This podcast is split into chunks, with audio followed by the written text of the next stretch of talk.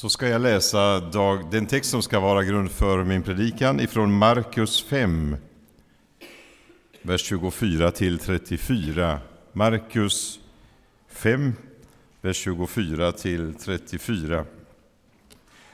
Och Jesus gick med honom. Mycket folk följde efter och trängde sig in på honom. Där fanns en kvinna som hade lidit av blödningar i tolv år. Hon hade varit hos många läkare och fått utstå mycket. Det hade kostat henne allt hon ägde, men ingenting hade hjälpt. Snarare hade hon blivit sämre. Hon hade hört vad som berättades om Jesus och nu kom hon bakifrån i hopen och rörde vid hans mantel. För hon tänkte att om hon bara fick röra vid hans kläder skulle hon bli hjälpt. Och, genom, och genast stannade blodflödet och hon kände i kroppen att hon var botad från sitt onda. När Jesus märkte att det hade gått ut kraft från honom vände han sig om i hopen och frågade Vem rörde vid mina kläder? Lärjungarna sade Du ser väl hur folk tränger på och ändå frågar du vem som har rört vid dig? Han såg sig omkring efter henne som hade gjort det. Kvinnan som visste vad som hade hänt med henne kom rädd och darrande fram och föll ner för honom och talade om hur det var. Han sade till henne min dotter, din tro har hjälpt dig. Gå i frid. Du är botad från ditt onda. Jag tänkte att jag skulle den här förmiddagen tala om Jesus och kampen mot ondskan. Kampen mot ondskan, det skulle egentligen kunna vara en filmtitel idag. Och det kanske är det, jag är inte så väl bevandrad. Vet i alla fall, det finns en roman som heter Ondskan som har filmatiserats för några år sedan. Det är inte uppbyggligt men nödvändigt att ibland tala om ondskan. Vi är medvetna om att den finns och vi möter den i vardagen på många olika sätt. Behöver bara att vi tittar mot löpsedlarna som sätts upp varje dag så möter vi mycket av det budskapet att ondskan finns i vår värld på olika nivåer, på olika sätt. Vi blir påminda om att ondskan existerar mer än vi egentligen skulle vilja veta. Den välkände teologen och biskopen Bo Giertz fick en gång frågan av en tidningsredaktör Tror biskopen på djävulen? Och Bo Giertz svarade Jag tror inte på djävulen, men jag räknar med att han finns. Och så la han snabbt på luren och avslutade samtalet. Dagens texter, den tredje söndagen i fastan, handlar om mötet med ondskan i olika former och visar på att det är möjligt att möta detta därför att Jesus själv har gått vägen före oss och för vår skull. I Efesierbrevet 6 talar aposteln Paulus till de kristna om hur de, hur de bör förhålla sig i kampen mot det onda. Hämta nu styrka hos Herren av hans väldiga kraft. Ta på er Guds rustning så att ni kan hålla stånd mot djävulens lömska angrepp. Ty det är inte mot varelser av kött och blod vi har att kämpa, utan mot härskarna, mot makterna, mot herrarna över denna mörkrets värld, mot ondskans andekrafter i himlarymderna. Ta därför på er Guds rustning, säger Paulus, så att ni kan göra motstånd på den onda dagen och stå upprätt efter att ha fullgjort allt. Aposteln beskriver så den andliga rustningen och talar om att det är genom bönen som vi kan bli utrustade på detta sätt. Jag skulle vilja säga idag att Jesus själv var i högsta grad, högsta grad indragen i kampen mot ondskan. När han som var Guds helige, som Petrus en gång säger, när han vandrade omkring här på jorden så var han en stark utmaning mot ondskan i alla dess former. Jesu frid störde på något sätt världens frid. Hans ljus lyste upp mörkret men avslöjade också falskhet, orenhet, förtryck och mycket mera. Och ondskan har olika skepnader. När vi läser evangeliernas texter om Jesu liv och tjänst här på jorden så ser vi att han mötte ett kompakt motstånd från de religiösa ledarna. Och det är ju egentligen förvånande vid första anblicken. Men de kunde i verkligheten inte förstå det som skedde på det andliga planet. Till exempel när Jesus botade den lame mannen vid Betestadammen så blev han kritiserad för att det skedde på sabbaten. En annan sabbatsdag botade han en man som hade en förtvinad eller förvissnad hand. Och då står det att de skriftlärda och fariseerna höll ögonen på honom. Det vill säga, de bevakade honom för att se om det fanns något att anklaga honom för. Vilket motstånd som vår Mästare mötte här på jorden. Vilken eh, kampsituation han egentligen befann sig i. Jag erkänner att jag ibland inte har tänkt och förstått hur tufft det var, hur kampfyllt det var många gånger för vår frälsare här på jorden. Och eh, det finns ett citat här. De skriftlärda som hade kommit ner från Jerusalem sa att han var besatt av Belsebul och att det var med demonernas furste som han drev ut demonerna. Vilken grym anklagelse som man riktade mot frälsaren Jesus. Och ibland var det för Jesus en direkt konfrontation med den demoniska kulturen. I det kapitel jag läste från Markus 5 så står det i början om en demonbesatt man eh, som eh, var intagen av främmande krafter, som hade förlorat sin värdighet, som var eh, intagen av onda, orena makter och som levde ett människoovärdigt liv, där han rörde sig i grav, bland gravarna Eh, ibland försökte man binda honom med kedjor för att, för att lugna ner honom, men han slet sig lös och han var våldsam på många sätt. Det står så här i vers 7 i det här kapitlet, kapitel 5, om just den här mannen. Eh, jag läser från vers 5. Att dag och natt höll han till bland gravarna eller uppe i bergen och skrek och sargade sig med stenar. När han nu på långt håll fick se Jesus sprang han fram och föll ner för honom och ropade högt. Vad har du med mig att göra, Jesus, du den högste Gudens son? Jag besvär dig vid Gud, plåga mig inte. Men vi läser i texten och ser att Jesus hade auktoritet över det onda. Han talar med kraft och en behärskad återhållsam vrede. Och han ser en människa som är sargad och plågad och han söker och han befriar den här mannen, skänker befrielse så att han får uppleva en total förvandling. En total förvandling. Och människorna som sedan kommer till platsen får se en man som sitter där, som det står, klädd och vid sina sinnen. Befriad och upprättad efter mötet med Jesus som kunde förvandla allt och kunde driva ondskan ur honom så att han fick uppleva ett nytt människovärde. Och när Jesus skulle vidare sedan står det att mannen ville följa med Jesus och då säger Jesus till honom att han skulle stanna kvar där i sin hemmiljö och vittna om vad Jesus hade gjort. Den här mannen kunde nu med sitt liv berätta om den förvandling som ägt rum i mötet med Jesus. Och detta skulle bli ett mycket effektivt och oemotsägligt vittnesbörd om Jesus, han som kunde förvandla den här mannens liv.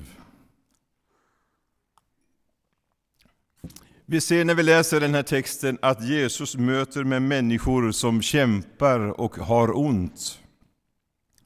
Det var trängsel omkring Mästaren från Nasaret. Berättelsen om kvinnan som kommer och rör vid Jesus är omgiven av en annan händelse som skildrar hur synagogföreståndaren Jairus ivrigt ber om hjälp för sin dotter. Och flickan hade blivit svårt sjuk och när, när Jesus senare kommer dit så var hon redan död, men hon fick livet tillbaka av Jesus när han kommer in och reser henne upp och ger henne på nytt livet. Det sker ett stort märkligt under. Men vi ska gå in i den här texten nu som handlar om en kvinna som möter Jesus på ett alldeles särskilt sätt. Kvinnans situation hörde du mig läsa alldeles nyss. Hon var sedan 12 år lidande i en obotlig sjukdom, en blodsjukdom. Vers 26 stod det så här att eh, Vi ska se så jag läser rätt till. Hon hade varit hos många läkare och fått utstå mycket. Det hade kostat henne allt hon ägde, men ingenting hade hjälpt. Snarare hade hon blivit sämre, står det. Hon hade prövat allt, men inte funnit någon hjälp, utan det var bara sämre. Enligt lagen var hon dessutom rituellt oren och det utestängde henne från social gemenskap med andra judar. Hon var drabbad av det onda och led svårt i sin hopplösa situation. Hon upplevde både utanförskap och fysiskt lidande.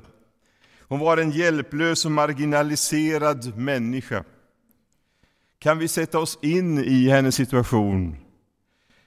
Kan vi ana hur mycket hon hade lidit och vilken smärta, djup smärta som fanns i hennes inre, men också i hela hennes fysik, hennes kropp?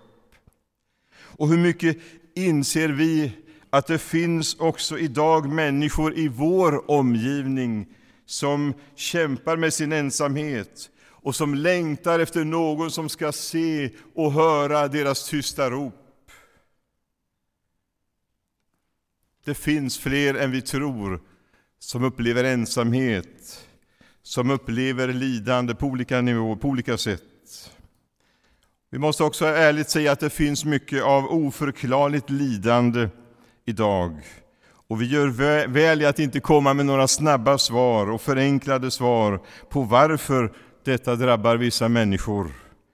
Vi måste vara ödmjuka inför det vi möter, men ha ett ömt och klappande hjärta för våra medmänniskor. När jag läser den här texten så är det mycket uppmuntrande att se hur den här kvinnan kommer till Jesus med en äkta tro och förväntan. Hon hade, måste ha fått höra om Jesus. Man hade berättat ivrigt om alla de märkliga under som han hade gjort. En manifestation av Guds makt som var tydlig och uppenbar. Och det var en rörelse omkring Jesus, Mästaren. Och det väcktes en förväntan hos henne. Dessa vittnesbörd påverkade henne. Något bryter hennes förtvivlan och det väcks ett hopp. En strimma av ljus bryter in i hennes mörker och hon anar det kanske finns en chans till förändring i mitt liv. Kanske det skulle kunna inträffa något också i mitt liv, i min situation. Och vad jag önskar vänner, att det skulle hända mycket mer av detta också idag runt omkring oss. Att vi kunde säga till våra vänner och människor vi möter på samma sätt som Jesus en gång sa till den samariska kvinnan, om du visste vad Gud har att ge. Det finns någonting mer för dig.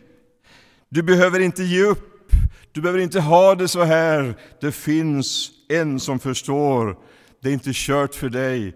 Tänk om vi kunde få förmedla ett hoppets budskap på olika sätt. Enkelt, förståeligt, medmänskligt till våra medmänniskor. Så att vi kunde få vara med och föra ljus in i deras livssituation. Vilken uppgift för dig och mig idag. Kvinnan rör sig i tro. Hon tänker, om jag bara får röra vid hans kläder så kommer jag att bli frisk. Och hon glömmer bort vad andra människor skulle kunna säga om de upptäcker henne. Det finns, det laddas upp en beslutsam djärvhet i henne. Hon tränger sig fram bakifrån och rör vid Jesu mantel. Vi läste om det alldeles nyss. Trots att detta enligt den judiska lagen skulle göra Jesus oren. Ändå räcker hon ut sin hand i tro, i trängseln där och rör vid honom, rör vid hans mantel. Och texten säger så snart hon hade rört vid honom så stannade hennes blödning och hon var botad. Det sker på ett, kan vi väl säga, stillsamt men ändå dramatiskt sätt. Någonting som händer som förvandlar också hennes livssituation totalt. Och jag är glad att få säga den här förmiddagen i vår gudstjänst att Jesus är den som kan hela och befria. Jesus kände att en helande kraft hade utgått från honom. Det var ett tydligt under som skedde. Vem rörde vid mina kläder, säger han. Jag tror att Jesus visste detta, men han ville ge kvinnan en chans att i ord uttrycka sin tro. att förklara vad som hade hänt, hur hon hade tänkt och varför hon lät det, gjorde som hon gjorde. Och lärjungarna är frustrerade och känner en viss otålighet där de står där. Och Jairus måste ha varit otroligt spänd och otålig över att Jesus stannar hos den här kvinnan och dröjer kvar här när han egentligen var på väg till Jairus hem för att hans dotter var ju döende. Men Herren Jesus var aldrig stressad så som du och jag många gånger är. Nu var det en stund av evighet, ett ögonblick av nåd. Och Jesus stannar upp och han ser den här kvinnan och han uppmuntrar henne på ett oerhört fint och läraktigt sätt. Se hur milt och kärleksfullt Jesus möter kvinnan. Hon kommer med bävan när han vänder sig om och undrar vem var det som rörde vid mig, så blir hon rädd, står det. Hon kommer fram darrande. Kvinnan som visste vad som hade hänt kom rädd och darrande fram och föll ner inför honom och talade om hur det var. Hon kände respekt och bävan. Kanske gjorde jag någonting för djärvt nu egentligen.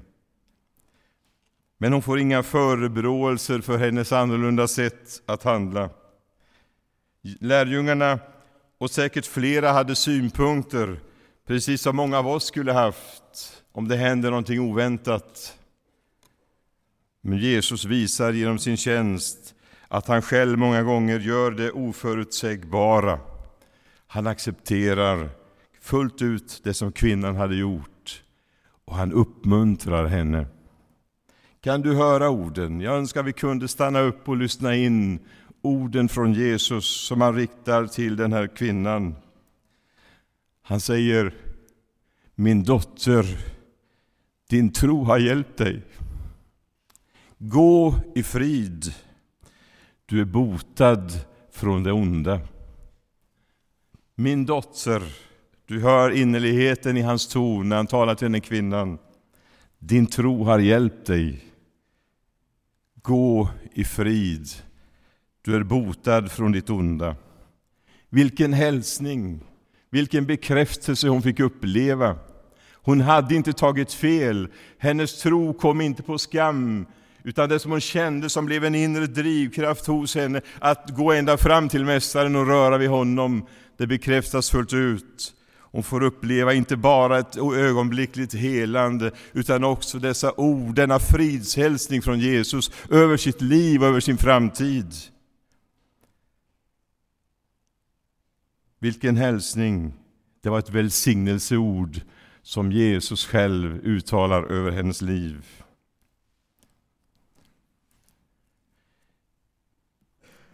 När jag läser det här blir jag på nytt berörd av det underbara i att veta att Jesus Kristus har gått vägen före oss.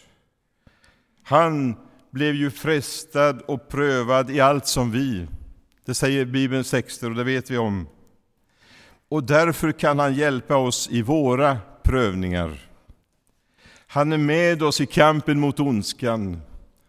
Han vet var du och jag brottas. Han vet om var vi har våra problem.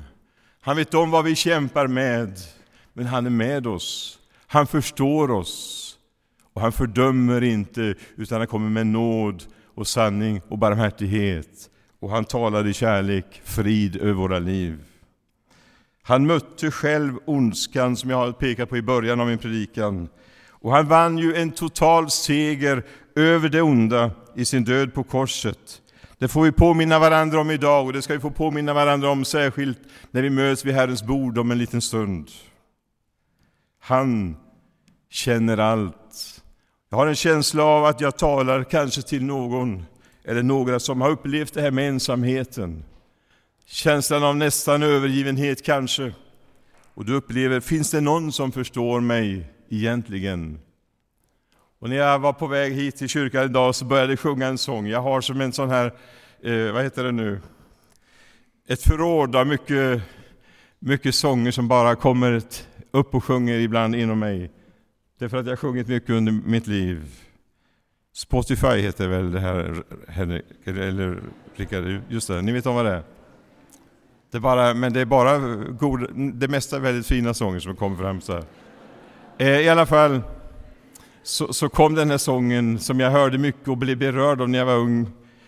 Ingen dig förstår som Jesus, vilken trofast vän han är. Möter dig i nåd och kärlek och sin kraft, ja nu kommer jag inte ihåg, men sin kraft dig beskär, ger dig sin, av sin kraft. Men just det här, ingen dig förstår som Jesus. Det är inte bara fromma ord som man kan uttala, utan det, det ligger en sån djup sanning i det här. Jag önskar du skulle ta till dig det. Om du känner dig ibland missförstådd, om du har upplevt besvikelser, om du har haft det tufft på olika områden, kom ihåg, det finns en som förstår dig. Och det är min hälsning idag. Det finns en som ser, en som förstår, en som ser på dig i kärlek, en som vill möta dig där du finns och ge dig nytt mod och låta sitt ljus lysa fram som kören sjöng om här förut i sången. En sång som jag skrev ner, en liten vers som jag ska avsluta med. En sång som jag sjöng mycket för. Eh, den heter Han är min vän och i andra versen står det så här. Jesus är med mig i frestelsens stunder och i var prövning han ger mig sitt stöd. Han är min tillflykt och tänk vilket under honom jag tillhör i liv och i död. Och så kommer kören Jesus är denne vän och så vidare. Det här är en enkel text som jag har tagit i mitt hjärta. Den finns där som ett personligt vittnesbörd och som en trosbekännelse på något sätt. Jag har Jesus, jag har bestämt att jag vill vandra med honom hela livet. Jag vet att han erbjuder sin närhet. Han vill vara med, ge stöd och kraft. Han finns där i prövningen, han finns där i frestelserna. Han ger kraft och mod och framtidstro. Jag skulle önska jag fick förmedla något av det i avslutningen av min predikan. Gud välsigne dig. Jag får säga, använda Jesu ord. Du som söker Herren, kom i tro till honom och gå i frid. Gå vidare i hans gemenskap och känn, han vill alltid gå med dig. Amen.